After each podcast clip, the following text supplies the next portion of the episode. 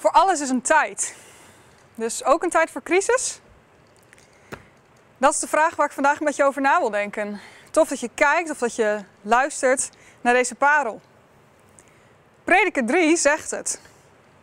Voor alles wat er gebeurt is er een uur. Een tijd voor alles wat er onder de hemel is. En dan volgt er een hele rij. Waar is dan allemaal een tijd voor? Nou, de prediker zegt er is een tijd om te baren. Een tijd om te sterven. Een tijd om te planten en te rooien. Te doden, te helen. Af te breken, op te bouwen. Een tijd om te huilen, een tijd om te lachen. Een tijd om te rouwen, een tijd om te dansen. Een tijd om te ontvlammen, om te verkillen. Om te omhelzen, om af te weren. Om te zoeken, om te verliezen. Om te bewaren, om weg te gooien om te scheuren, om te herstellen. Om te zwijgen, om te spreken. Er is een tijd om lief te hebben en een tijd om te haten. Een tijd voor oorlog en een tijd voor vrede. Dus is er ook een tijd voor crisis? Ja, ik denk het wel. Er is ook een tijd voor crisis, een tijd voor rouw, een tijd voor, voor volharding. En dat kan moeilijk zijn, dat kan echt pittig zijn. Maar het is goed om ons te beseffen dat in welke periode van ons leven we ook verkeren, in welke tijd we ook zitten, dat onze opdracht hetzelfde blijft. Het evangelie blijft de goede boodschap. Juist in deze tijd, juist in tijden van crisis, in tijden van lockdown, hebben wij nog steeds die goede boodschap. En om dat keer op keer te beseffen en daar ook wat mee te doen, is het belangrijk dat we met ons hoofd leven in het nu.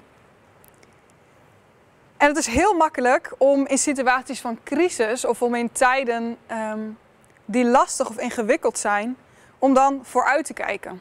En te denken, was ik maar alvast in de volgende tijd, in de volgende periode van mijn leven.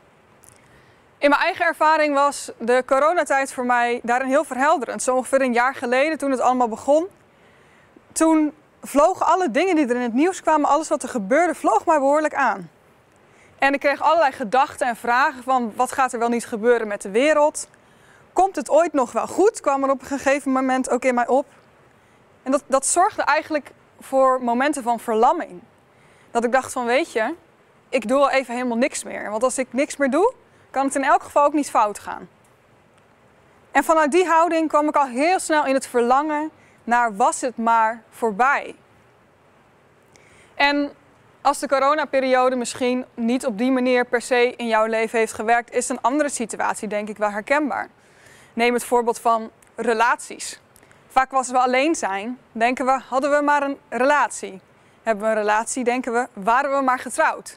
Ben je getrouwd, denk je, had ik maar kinderen. En dat geldt natuurlijk niet alleen voor relaties. Dat kan ook zijn, had ik maar dat werk. Of had ik maar alvast een koophuis. Dat kan voor heel veel verschillende situaties gelden. En het is zo makkelijk om ook met je hoofd constant in de toekomst te gaan leven. Dus hoewel je nog niet in een bepaalde situatie bent, wel steeds te denken: was ik maar alvast. En God zette mij daar het afgelopen jaar echt bij stil. Hij zei: Joh, weet je, Linda, als je altijd denkt: was dit maar voorbij? Of was ik maar alvast daar of daar? Dan mis je wat ik op dit moment door jou heen in mijn koninkrijk wil doen. En die gedachte zorgde er ook voor dat ik dacht: hé, hey, ja, God maakt dat me duidelijk. Maar ik besef me ook, in welke periode, in welke tijd we ook leven, God is net zo groot. Hij verdient net zoveel eer als wanneer we in een periode leven die misschien wat makkelijker gaat. En juist de opdracht uit Matthäus 28, vers 19 en 20 is nu zo relevant. Want daar zegt Jezus: ga dus op weg en maak alle volken tot mijn leerlingen, door hen te dopen in de naam van de Vader en de Zoon en de Heilige Geest. En hen te leren dat ze zich moeten houden aan alles wat ik jullie opgedragen heb.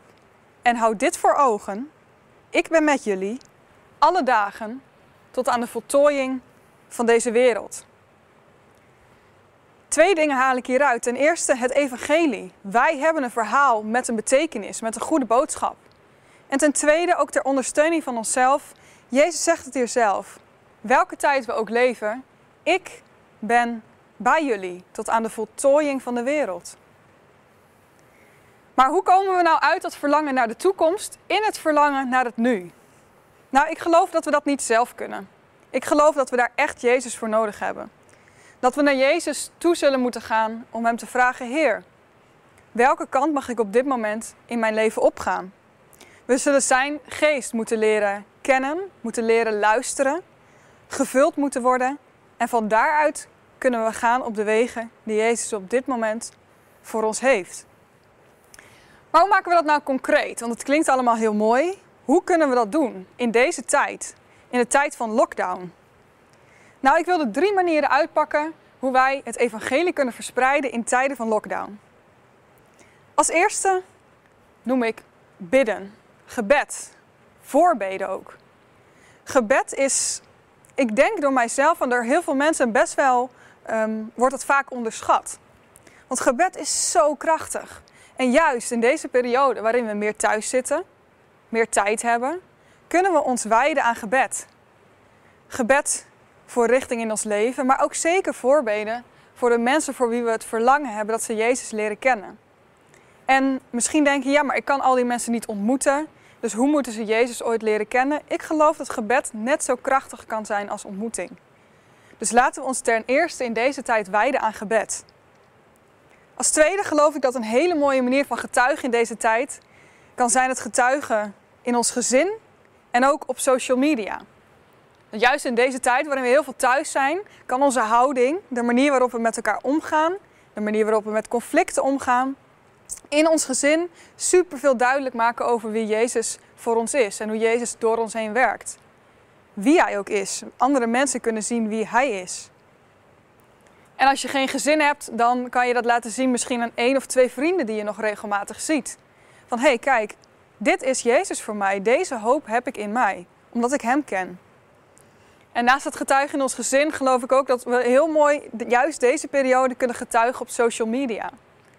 Social media uh, is een medium wat überhaupt al veel gebruikt wordt. Maar juist in deze tijd, waarin we nog minder te doen hebben, meer thuis zitten, geloof ik echt dat er nog veel meer wordt gekeken op Instagram, op Twitter enzovoort.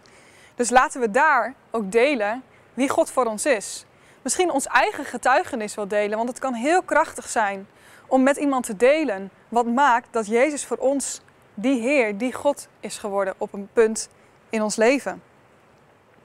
En als laatste, wat kunnen we nog meer doen in deze lockdown-tijd om het evangelie te verspreiden? We kunnen nog steeds gastvrij zijn. Juist die regel dat je eigenlijk maar één persoon per dag op bezoek mag hebben, kan heel veel goed doen. Want als je één iemand hebt, heb je je volledige aandacht voor die persoon. Je kan volledig die persoon zien.